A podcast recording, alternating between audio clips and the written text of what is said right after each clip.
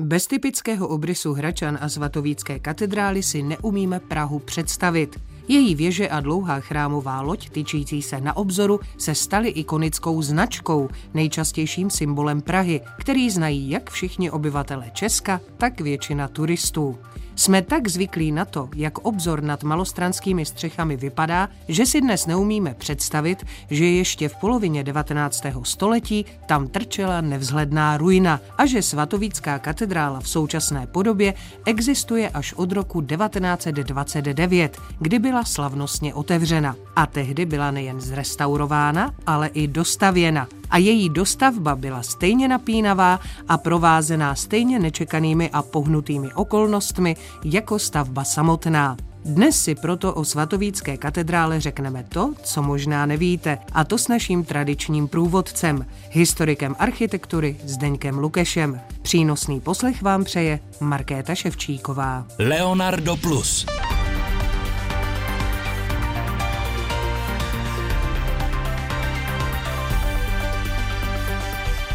Tak milí posluchači, no a kde jinde bychom naše putování měli zahájit než na třetím hradním nádvoří, na onom slavném nádvoří, kde je ten slavný prezidentský balkon, ale my tady nejsme kvůli připomínce politických událostí, které hýbaly našimi dějinami, ale kvůli této uchvatné stavbě. A jsme tady samozřejmě s naším tradičním průvodcem, historikem architektury Zdeňkem Lukešem. Dobrý den, pane Zdeňku. Dobrý den. My samozřejmě budeme řešit hlavně dostavbu eh, chrámu svatého Víta, která byla byla našemu národu nadělena před bezmála stolety v roce 1929, ale nemůžeme začít dostavbou, aniž bychom si neřekli na úvod něco o vzniku a prvních stavitelích tady tohoto unikátního svatostánku. Ano, je to tak, než budeme mluvit o dostavbě, jakožto hlavním tématu našeho povídání dnešního, tak samozřejmě musíme připomenout, jak to tady vypadalo předtím. Tak především tady kdysi stála protorománská rotunda svatého Víta, ta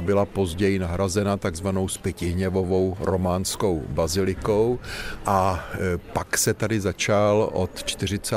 let 14. století stavět obrovitý chrám. Stavbu vlastně zahájil ještě král Jan Lucemburský, ale už u toho byl jeho syn Karel IV.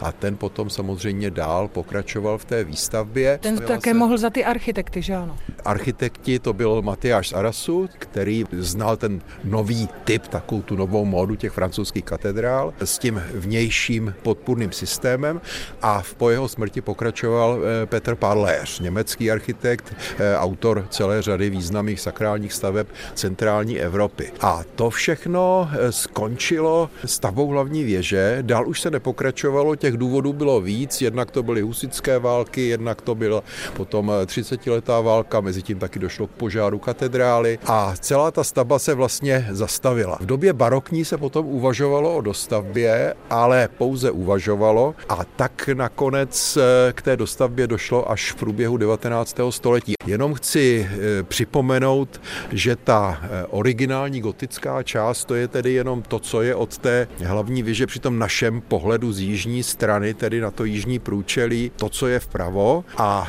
to, co je nalevo té hlavní věže, tak to mhm. už je vlastně ta, ta neogotická dostavba. Takže ty typické dvě věžičky, které dělají ten zásadní obraz, tak ty jsou právě z pozdější doby. Ty jsou z pozdější doby a jak si ještě řekneme, tak eh, vlastně tam byly kolem toho neustále spory, jak by vlastně ta dostavba měla vypadat. Ale než spolu, pane Zdeňku, definitivně přeskočíme do 19. století, na chvíli se ještě zdržíme v tom 14. a probereme si politické dopady té stavby a vydáme se na malou chvíli do tepla. Tak milí posluchači, a s kým jiným bychom měli rozebrat okolnosti stavby svatovické katedrály než církevním historikem Jaroslavem Šepkem. Dobrý den. Dobrý den. Co to tehdy vlastně znamenalo? Položit základní kámen k takovéto katedrále, jak tedy pro Karla IV., tak pro Jana Lucemburského důležitou roli v tom hrál samozřejmě i Arnošt z Pardubic tehdy. Takže bylo to jenom takové jako gesto, že chtěli jsme mít velkou katedrálu, nebo to mělo hlubší politické konotace? Tak je pravda, že ten základní kámen Pražské katedrály byl sice položen v době vlády eh, Jana Lucemburského, a i vlastně bylo povýšeno Pražské arcibiskupství v roce 1344, ale samozřejmě tu hlavní roli sehrával už jeho syn Karel IV. Tady bych řekl, že on plnil určité vyšší poslání, protože On byl hodně ovlivněn papežem Klimentem VI. A to jako v dobrém slova smyslu myslíte? Myslím, že to byl jeho mentor a on vlastně se snažil, teď myslím Karla IV., nikoli v papeže, více posílit ten univerzální význam eh, českých eh, zemí ve vztahu samozřejmě eh, k tehdejší Evropě, k tehdejší říši, k tehdejšímu papežství. Takže ten iniciační okamžik pro Pražskou katedrálu není jenom národním podnikem. Je to záležitost toho, toho širšího dosahu a takhle se i na katedrálu můžeme dívat. Je to sice Pražská katedrála, ale má v sobě ty univerzálnější přesahy. Samozřejmě vedle toho má i ten státoprávní význam, protože zde jsou uloženy korunovační klenoty. Tohle to zase ale je záležitost, která je od Karla IV. Takže dalo by se říci, že pokud chtěl někdo něco v Evropě znamenat v té době, tak nemohl nemít takovýto svatostánek? Já si myslím, že i e, nemohl nemít e, výše postavené biskupství, tedy to povýšení na arcibiskupství, protože tím e, se ukazovala prestiž té země i toho města, takže to byla vlastně snaha všech těch zakladatelů, ještě bych tady připomněl Arnošta Spadubic jako prvního pražského arcibiskupa, aby i vlastně v tom rámci střední Evropy jsme byli na výši. Tak pravil církevní historik Jaroslav Šebek. My se ale ještě nerozloučíme, pane docente, protože se dnes ještě jednou uslyšíme.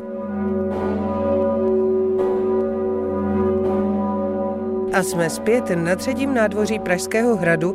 No a teď už se se Zdenkem Lukešem konečně dostáváme k samotným počátkům dostavby chrámu svatého Víta, tudíž do druhé poloviny 19. století.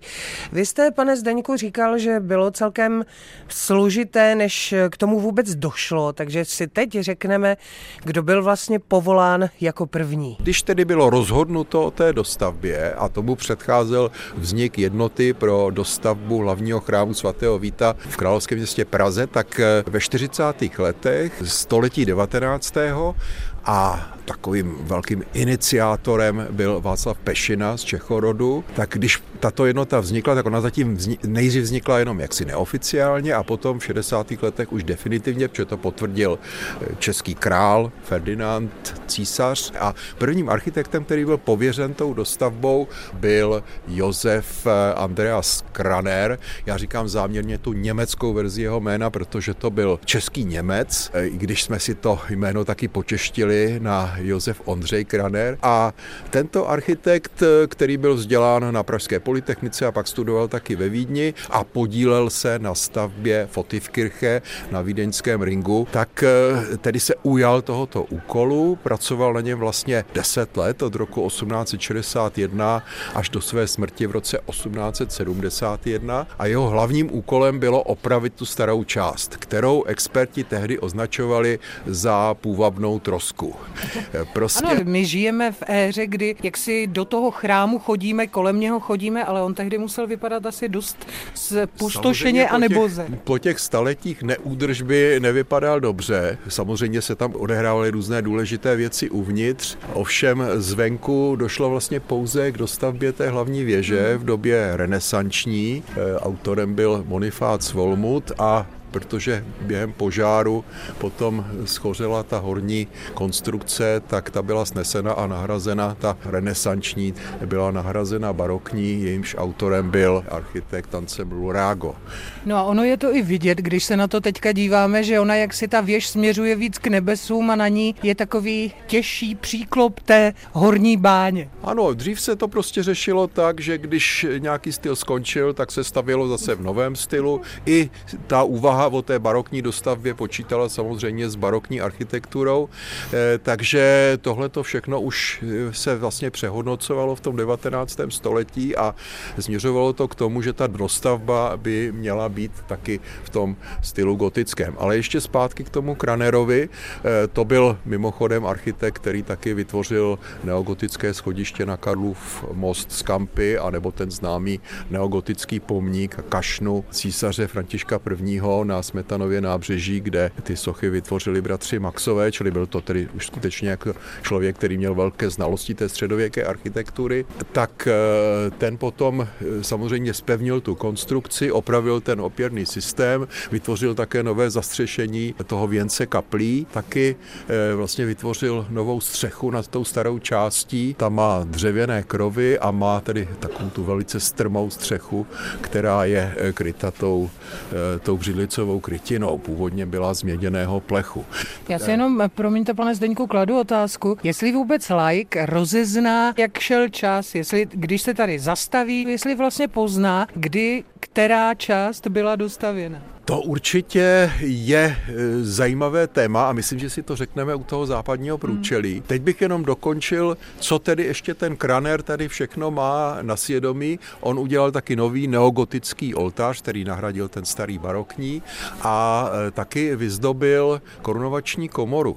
Kraner byl taky autor některých těch vitrážových oken té staré části. On potom vypracoval i projekt té dostavby směrem na západ a mimochodem ten jeho návrh vůbec nebyl nezajímavý, on nepočítal s těmi věžemi, mm-hmm. které máme v tom západním průčelí. Vstup tam udělal vlastně, tam vytvořil něco jako kopii zlaté brány, kterou tady mhm. vidíme před sebou na té jižní straně. Ten jeho návrh byl takový jako jednodušší a taky ta loď byla kratší, což vlastně potom později mu jaksi naopak přičetli k dobru, protože říkali, že ten předprostor před vstupem do té katedrály by měl být velkorysý a že architekt architekt Mokr, který potom vytvořil ten definitivní návrh, příliš tu loď dotáhl až k tomu, vlastně hradu, k tomu střednímu křídlu a tím tam projdete tím tunelem a najednou to na vás udeří. Chtělo by to asi skutečně nějaké větší prostranství.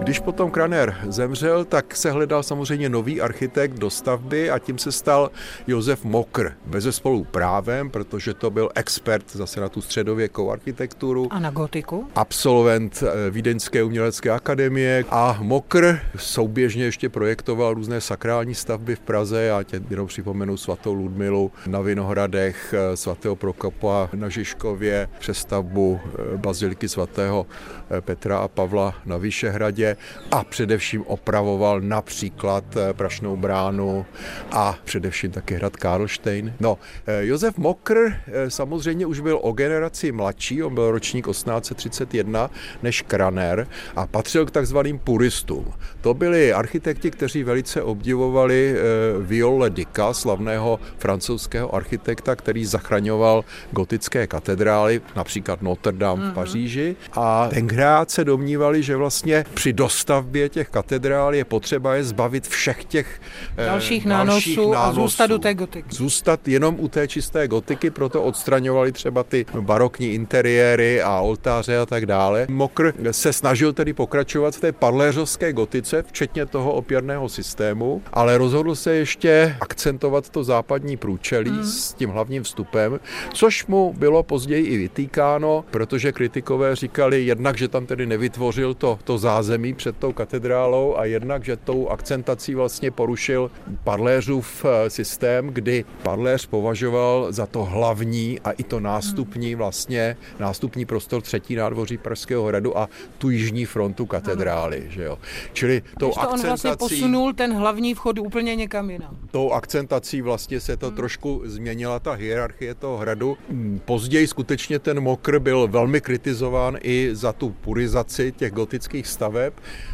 a až možná takovou příliš volnou interpretaci té gotiky.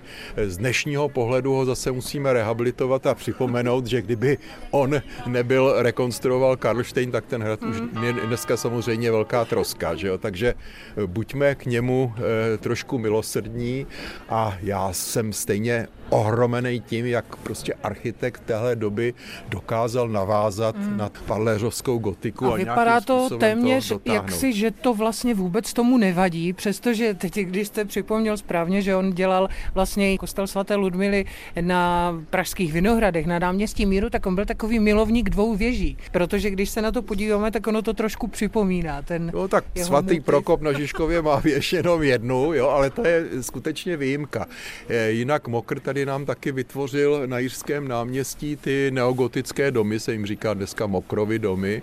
To je vlastně nové proboštství. To staré proboštství je mimochodem jediný objekt, který tady na místě té dostavby zůstal, protože původně, když ta katedrála končila zhruba v polovině, vlastně takovou eh, štítovou zdí, která byla v době barokní dekorována nějakými freskami, eh, tak tam stála ještě polygonální kaplička, Eh, architekta Aostálise nad hrobem svatého Vojtěcha a ta samozřejmě musela být kvůli té dostavbě odstraněna. Uvnitř katedrály taky musela být odstraněna ta renesanční kruchta, naštěstí nebyla zničena, ale byla jenom vlastně posunutá do toho eh, transeptu, do toho příčného křídla, kde je vlastně do dneška. Já jenom připomenu, že to proboštství je takový ten dům, kolem kterého všichni procházejí, když míjejí tady ten obelisk, když jdou kolem sochy svatého Jiří. A málo kdo si všimne, což je vidět právě tady z té naší pozice, že je to vlastně velký dům přilepený jakoby k té katedrále. Téměř přilepený a je teda na něm úžasně vidět ta, ta složitá historie Pražského hradu. Já to vždycky ukazuju studentům. Podívejte, tady máte románské okno, hmm. které tady zůstalo z té původní stavby, ale ta stavba později byla představována v době renesanční a ještě později v době barokní, že jo? takže tady je vlastně jakoby přímo vypsána ta složitá historie Pražského hradu. A my se teď přesuneme před to západní průčelí, Mokrovo. Přesně tak a milí posluchači, vy si toho probožství všimněte, protože je na něm krásně opravdu vidět, jak šel čas.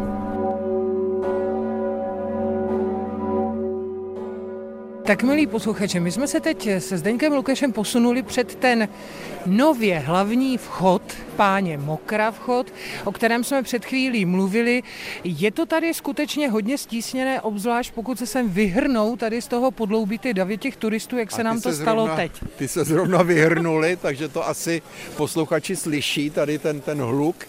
No a stojíme tedy před tím mokrovým zakončením katedrály z té západní strany. Zajímavé je, že se to začalo stavět ale nejdřív, tahle hmm. ten západ, a pak se stavěl vlastně ten, to, co bylo mezi tím.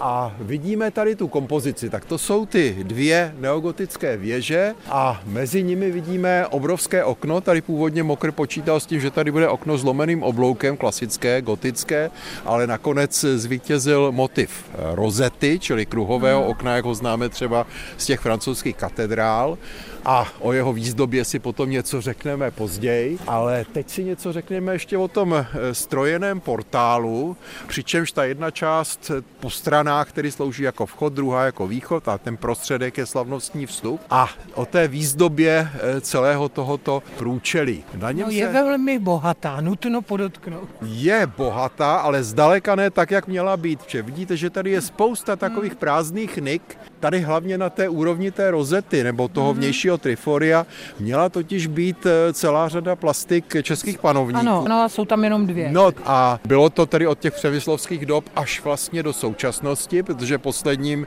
měl být Franz Josef. Ovšem z tohoto úkolu, který byl zadán hned několika sochařům, kteří vyhráli tu soutěž, já teď připomenu pár těch jmen, Štěpán Zálešák, eh, Čeněk Vosmík, František Hergesel. Štěpán Zálešák je rodák ze stejné obce sochařce jako já z Bánova. No, dokonce, dokonce. Takže těch sochařů byla celá řada. Nakonec eh, zůstala jenom jedna plastika a to je Karel IV. Tu vidíme Toho tady vidíme. vpravo vlastně od té rozety. To je krásné to dílo od Stanislava Suchardy, jednoho z nejvýznamnějších secesních architektů a taky profesorů na Pražské umělecko-průmyslové škole. Na druhé straně tam stál skutečně ten Franz Josef, jakožto vladař, který skutečně podporoval tu dostavbu a sledoval to samozřejmě z Vídně eh, s velkým zájmem a právem by ta jeho plastika tam měla být, ona tam taky krátce i byla. Ovšem hned po roce 1918 byla ta plastika sejmuta a tady vidíme, jak ta politika bohužel Hraje roli velkou. zasahuje do té architektury. A přitom A- neprávem, protože on se podílel, na, jak jste On se- říkal, že pomáhal nejenom tedy politickými rozhodnutími, ale i finančně. že? Takže to si myslím, že je prostě chyba. To se mělo vzít jako fakt, ale bohužel Franz Josef prostě eh, byl vypuzen a jeho místo potom eh, zaujala, protože tam by samozřejmě to vypadalo divně, když jedné strany hmm. máme Karla IV., tak tam potom je eh, plastika Arnošta z Pardubic, to byl pravda první pražský arcibiskup, ale tím se tak trošku narušila hmm. ta představa Mokrova, že by tam byli tedy ty panovníci, tak jako to je třeba na těch francouzských katedrálách. No a tu plastiku potom vytvořil další významný český sochař Ladislav Kofránek. Všimněte si, že pod tou rozetou jsou takzvané cvikly a to napravo a nalevo jsou vlastně dvě dvoj takové polopostavy. Na jedné straně to jsou architekti té dostavby, to je Josef Mokr a Kamil Hilbert a na té druhé straně to je František Kysela, který byl autorem vitráže té rozety a Zdeněk Wirt, což byl významný historik umění, který se také třeba podílel na výběru umělců pro dekoraci toho průčelí. Čím se dostáváme k té mojí otázce, zdali like pozná, kde byla provedena ta dostavba. No tak tady je to vidět poměrně jasně, protože na rozdíl od Karla IV. a Arnušta z Pardubic v tradičním ošacení pánové už jsou v moderních oblecích a jsou přesně pod tou rozetou. Nicméně, to je sice pravda, ale to je detail, kterého se asi- málo kdo všimne. Mimo jiné ty plastiky vytvořil Vojtěch Sucharda, bratr Stanislava a e, myslím si, že většina lidí, když sem prostě fluje na to třetí nádvoří, podívá se nahoru, otevře většinou pusu do kořán, to si všimněte, a je přesvědčení, že vidí reálnou, reálnou, Reálnou gotickou, gotiku, reálnou gotickou stavbu. Teď se podívejme na ten trojitý portál. Tak, e, Který je níž a kterého si spíše lidé všimnou. ten samozřejmě má taky krásnou sochařskou výzdobu, například na té střední části je to ukřižování v tom Mhm. tympanonu a to je dílo e, dalšího významného českého sochaře Karla Dvořáka. Ono, ta katedrála je vlastně taková přehlídka českého Všech možných sochařství. tvorb a vidíme i a malířství. děl. Takže, takže to je dílo Karla Dvořáka ve spolupráci tedy s, se sochařem Josefem Žákem, který dělal ty postraní reliefy a to byl manžel sochařky Karly Bobišové, o nich se taky budeme za chvilku bavit. No a e, pak jsou tu ta krásná bronzová vrata. A ta bronzová vrata, na ty byla zase vypsána soutěž a vítězi se stali Vratislav Hugo Brunner, což byl ovšem výtvarník, malíř, grafik a ten spolupracoval se sochařem Otakarem Španielem, což byl profesor na akademii a asi nejlepší český eh, medailér eh, první poloviny 20. století. A oni byli ovšem inspirováni jednak Pizánem a jednak samozřejmě Gibertim a těmi jeho slavnými bronzovými vraty eh, Batisteria ve Florencii, z, z éry teda renesanční a vytvořili tam prostě taková, takovou sestavu reliefů, které jsou mimořádně krásné. Skutečně ta vrata patří k nejhezčím takovým eh, vratům eh, katedrál v Evropě. Eh, zobrazují eh, na těch, tam jsou vlastně epizody z života svatého Václava na jedné straně, svatého Vojtěcha na té druhé. V té centrální části potom jsou další eh, významné okamžiky českých dějin ve spojení s výstavbou kostelů, zejména tedy v, tedy v té oblasti Pražského hradu. A to je protorománska rotunda a potom ta románská bazilika. No a e, pak ta e, další výzdoba samozřejmě se týká toho, co musí mít každá gotická katedrála, to jsou chrliče. Ty, které tady jsou, e, vytvořili například Šeněk Vosmík, Vojta Sucharda a další sochaři. A oni V tom- vycházeli také z nějakých předloh eh, vycházeli, gotických.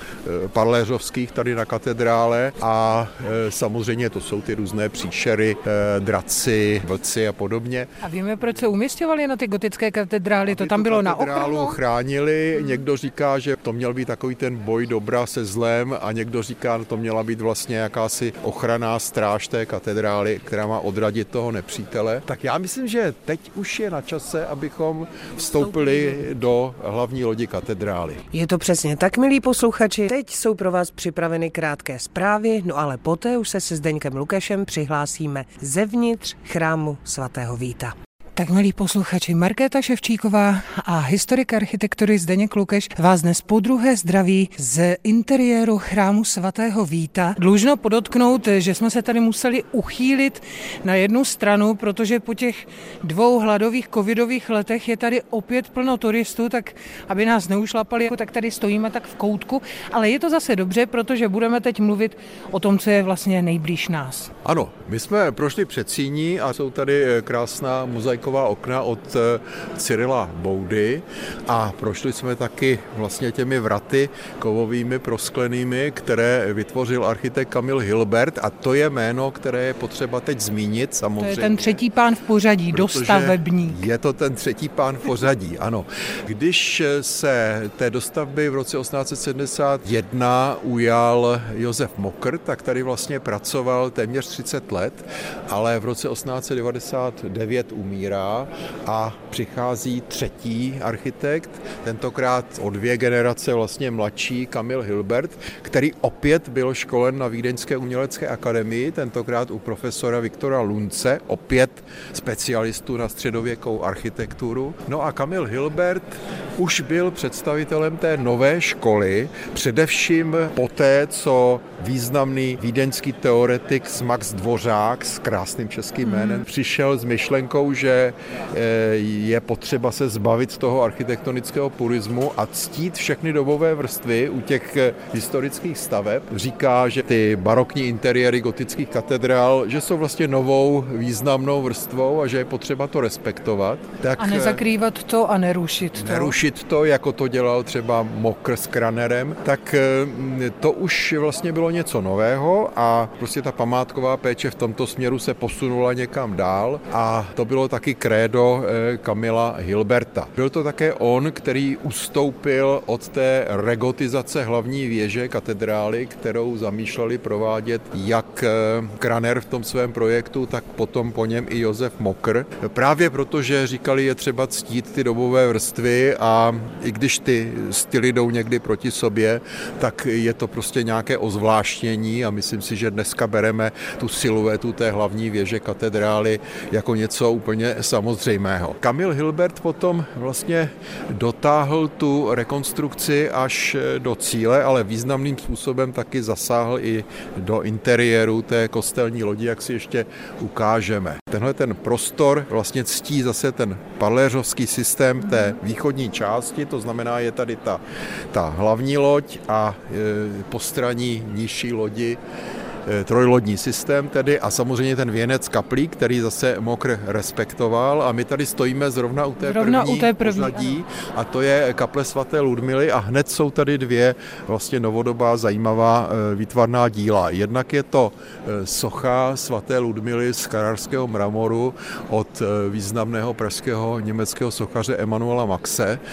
Připomínám, že byl nejenom autorem nebo spoluautorem toho pomníku Františka I., ale taky zdobil svými sochami Karlův most se svým bratrem Josefem. No a pak je tady ještě jedna novější práce a to je eh, vlastně křest svaté Ludmily, kterou provádí svatý Metoděj. A ten je pod tím vitrážovým oknem velkým? Ano, ten je pod vitrážovým oknem a to je dílo dalšího významného českého eh, sochaře a profesora Akademie výtvarných umění Karla Pokorného. No a krásná mříž. A Na to je... jsem se právě chtěla zeptat. Ta mříž je velmi impozantní a to je dílo čí? A to je dílo Jaroslava Horejce, tak o tom jsme se ještě nezmínili. To byl mimo jiné taky autor té mříže před vstupem na Zlatou bránu. No a my se teď přesuneme na tu protější stranu a tam si prohlédneme zase hned tu první kapli, která je asi nejzajímavější z toho uměleckého hlediska.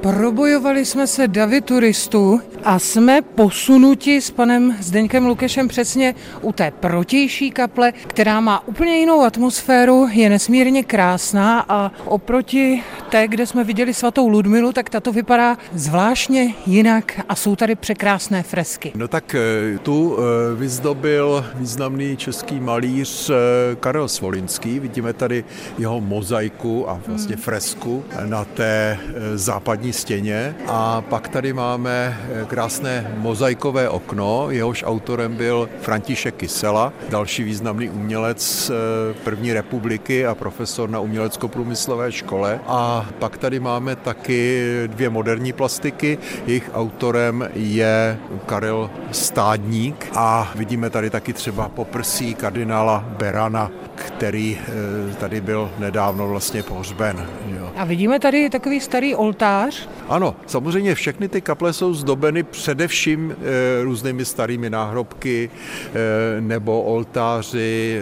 obrazy a tak dále z nejrůznějších dob. Ano, takže my se teď všímáme spíš těch novodobých ano. zásahů. Já to říkám, protože je to hezká syntéza toho starého a nového, přestože i to nové už je pro nás teď jakoby staré. Přesně tak. Tak a my procházíme chrámem svatého Víta a zastavili jsme se u další kaple, která je jakoby v těch bočních výklencích. A tady jsme se zastavili. Proč, pane Zdeníku? No, my musíme taky se trošku věnovat právě těm krásným vitrážovým oknům, které jsou tady v té nové části katedrály. Jenom připomínám, že v té staré ta okna už jsou z druhé poloviny 19. století a jejich autory byli například architekti Kraner, Mocker nebo malíři Sequence, Mike Sner a další. Tady no ale u této vitráže to, části, to každý pozná asi. Kdo je ano, eh, v té, v té nové části jsou většinou autory František Kysela, Karel Svolinský, to je třeba to prostřední okno naproti, bych řekl takové jako nejexpresivněji mm. pojaté. Eh, dále potom Eh, je to Eh, Max Švabinský, ten vlastně dělal to, to, to nové, no, novou výplň okno, padléřovského okna eh, vedle, vedle hlavní věže. No a pak samozřejmě Alfons Mucha. Proto jsem říkala, je, že tuto každý pozná. Ten je asi nejznámější. Není to vlastně klasická mozaika, je to hmm. spíš malba na skle a vidíte, že tady taky je eh, uvedený donátor a to je v tomto případě Banka Slávie, která se musela pochlubit, že přispěla právě na tu výzdobu. Já já bych řekl, že kdyby někdo to měl charakterizovat stylově, tak určitě řekne, to je ta klasická muchovská secese, hmm, hmm. ale je zajímavé, že je to taková hodně opožděná secese, protože to okno vzniklo až v letech 1929 až to 19, už bylo hodně po 1931, hmm. ale je to takový ten klasický Alfons Mucha. Hmm. Tak a posunuli jsme se kousek dál, jsme tady u rozkošného schodiště, to je vlastně nová klenotnice. Tady máme dvě. Jedna, která je v té staré části nad kaplí svatého Václava, v tom nejcennějším prostoru vlastně, tak eh, ta byla upravována právě Josefem Kranerem, kde je i taková výmalba od něj a ta stará samozřejmě je učena pro korunovační klenoty a ta nová, která stojí v té nové části katedrály, eh, tak tu vytvořil, jak vidíte, Kamil Hilbert, dokonce tady má i svoji značku, i dataci 1907. Mm-hmm. Je samozřejmě zase v tom neogotickém stylu a tvoří takové spirální schodiště, které vede do toho patra a tam je potom vstup eh, do klenotnice pro svatovícký poklad, který zde byl také uchováván. Já si pamatuju jednou krátce po sametové revoluci jsme tam byli, když byly ty první církevní restituce, tak se s určitými potížemi podařilo otevřít tam ten trezor a odtamtud se potom eh, vytahovali byly ty jednotlivé sakrální předměty, které se vracely různým řádům, tak to byl velice zajímavý zážitek. Jinak původně to Kamil Hilbert navrhl tak, aby ta klenotnice mohla být eh, otevřená veřejnosti, takže eh, se tam dá vstupovat eh, zvenku anebo zevnitř, tak aby to bylo vlastně průchozí, ale ten prostor je teda velice stísněný, takže není to úplně asi dobrý nápad.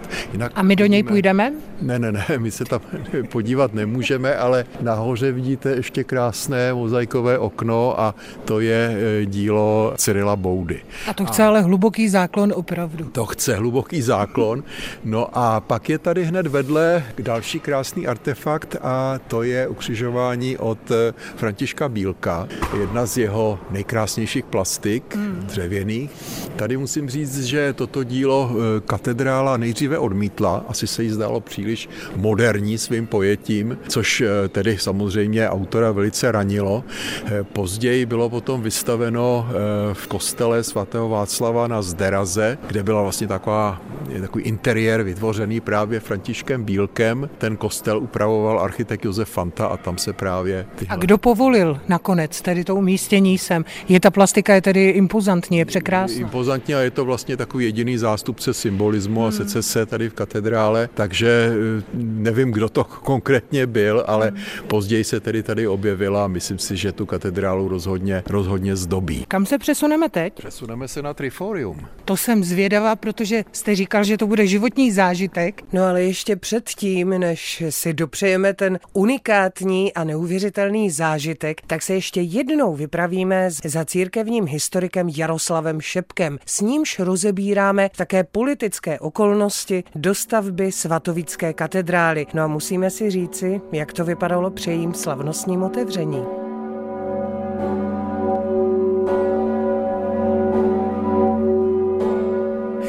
teď si zkusme, pane docente, představit, jaká to musela být sláva tedy v tom roce 1929, když se slavnostně ta katedrála otevírala.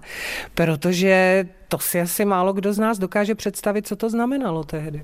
No tak tehdy Československý stát, Československá republika eh, se snažila eh, jasně idově vymezit vůči tomu předchozímu rakouskému prostoru, takže těmi, řeklo by se odborným jazykem, kolektivními poraženými eh, roku 1918 byla aristokracie a katolická církev. Takže samozřejmě ten rok 1929 je zajímavý v tom, že tady se snaží najednou najít určité obětí, katolický eh, proud eh, s československou státností. Je to vlastně velice komplikovaně připravovaná slavnost, eh, dokonce tak, že jsou rozděleny tyto slavnosti na církevní a státní.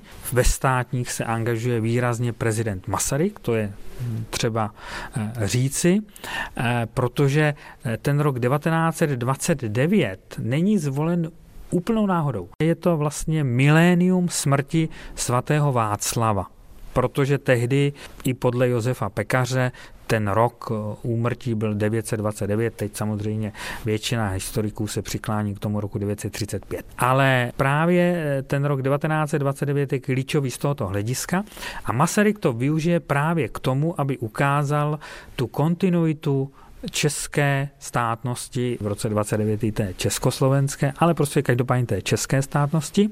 Masaryk v jednom rozhovoru řekl, že právě tehdy jsme měli stát už docela pěkně uspořádaný, takže vlastně určitá kontinuita dědictví té minulosti i do toho obrazu prvorepublikové státnosti, plus pak eh, tam byla důležitá eh, věc v tom, že se tehdy konaly i například orelské slavnosti, orel katolický spolek eh, tělocvičný, který měl sled v Praze což taky bylo velice, velice zajímavé, protože Praha byla obecně liberálně levicová, takže to byl taky vlastně mimořádný moment. A navíc ten sled se konal kolem svátku mistra Jana Husa což taky vlastně byla docela zajímavost. Ale každopádně tedy jak státní, tak církevní část slavností eh, svatováclavských kolem katedrály má samozřejmě svůj vrchol v září. Eh, jednak tedy 27 září je ten státní vrchol na Václavském náměstí, kdy je udělen eh, prapor Václava svatému jízdnímu pluku z Pardubic. A pak 28. Eh, září je slavnostní předání vybudované katedrály veřejnosti. No a 29. září se pak koná velký a na svou dobu opravdu tedy mohutně navštívený průvod slepkou svatého Václava po korunovační cestě, a kterého se účastní 750 tisíc lidí, který vlastně ukazoval, že určité touhy po monarchii nostalgie eh, nějakým způsobem vyplula na povrch. Samozřejmě většina lidí byla eh, nadšená pro republiku, ale tohle to vlastně ukázalo, že lidé s určitou nostalgií vlastně také hleděli eh, na ty dřívější eh, monarchistické principy. Ne náhodou je pak prezident v sídle českých panovníků na Pražském hradě. Tak pravil církevní historik Jaroslav Šebek. Já moc děkuji, pane docente, a naslyšenou. Naskledanou a přejít pěkné dny posluchačům.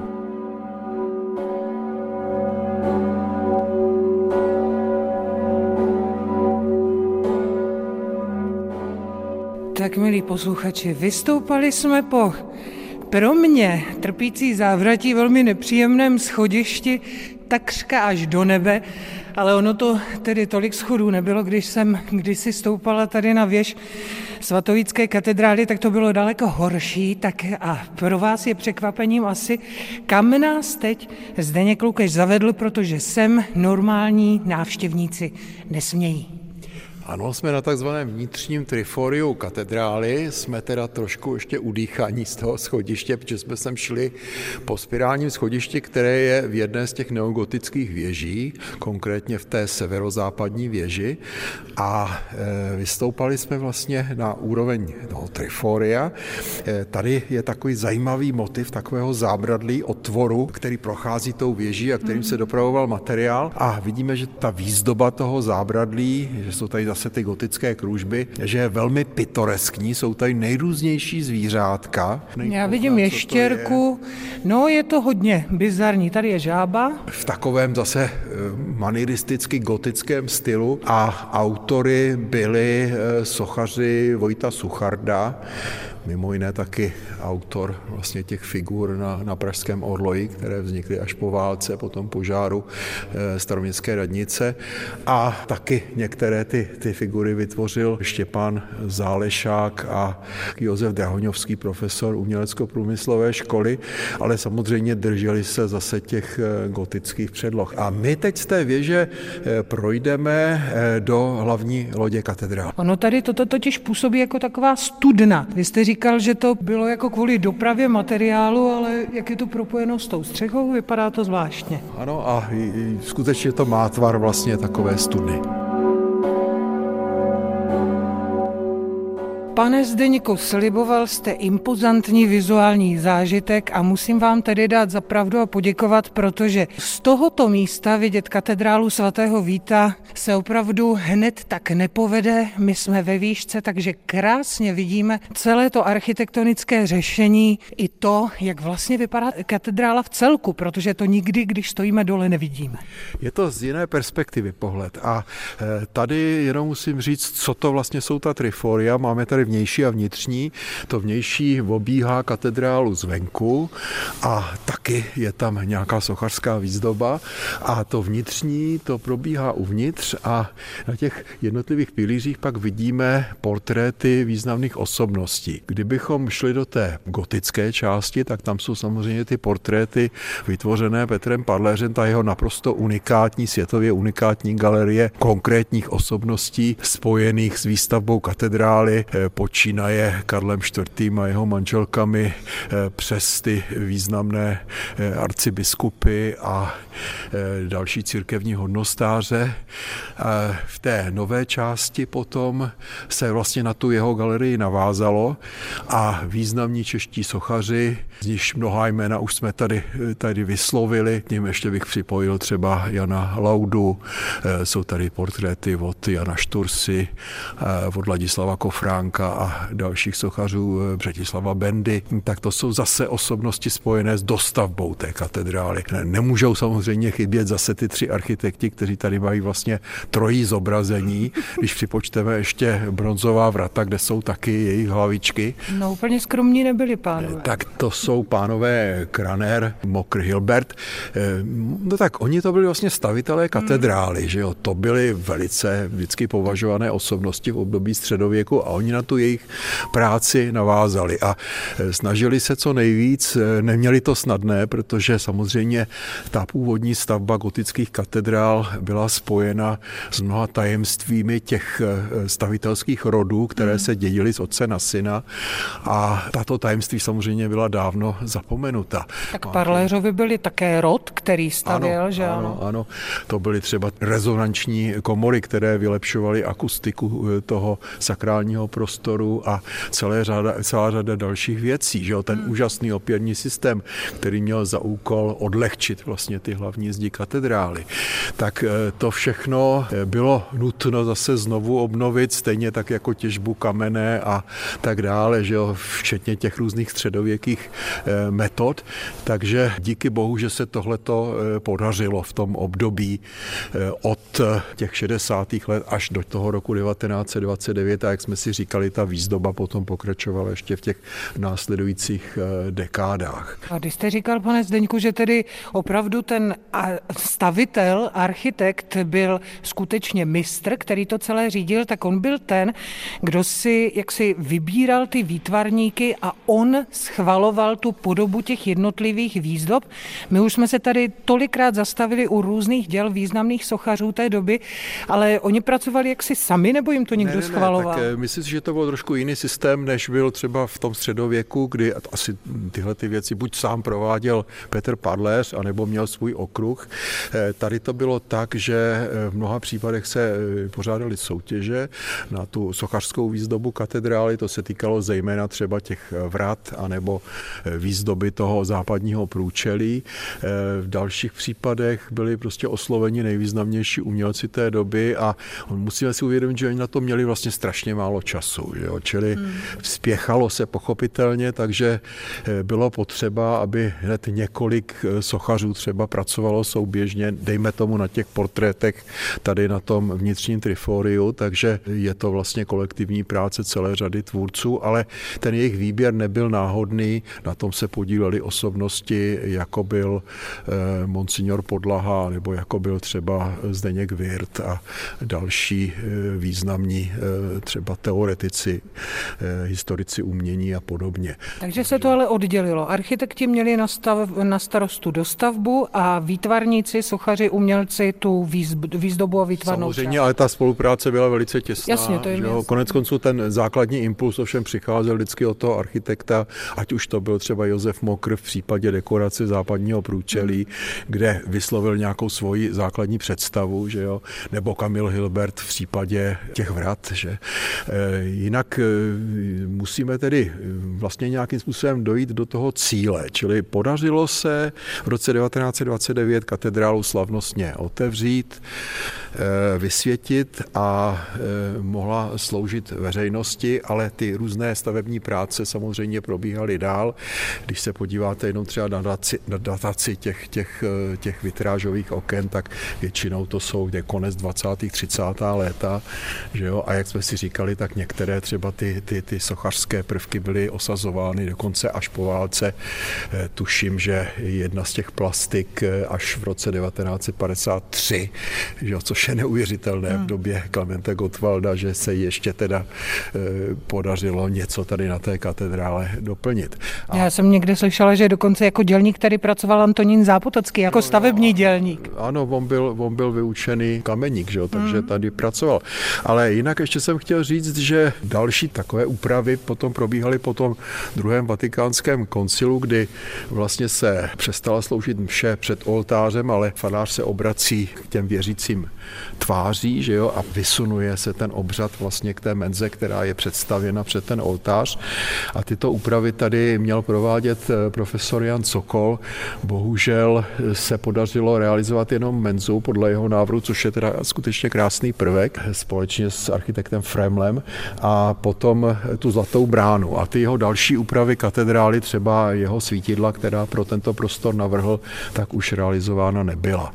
To mělo samozřejmě i své politické historické důvody. Mimochodem Jan Sokol v jeho domě vlastně bydlel filozof hmm. Patočka. Že? Takže ty záležitosti potom byly samozřejmě dosti komplikované, ale dá se říci, že i ty novodobé prvky, které se třeba osazovaly v těch 60. letech, jsou mimořádně kvalitní, ať už to jsou třeba ta okna do kaple svatého Václava od Stanislava Libenského, ty jsou prostě skutečně, ta jsou nádherná, že jo? takže můžeme říci, že v té katedrále máme samozřejmě, když necháme stranou teď ty pozůstatky těch starších kostelů v podzemí, tak máme třeba taky krásnou moderní kryptu, kterou upravoval Kamil Hilbert ve 30.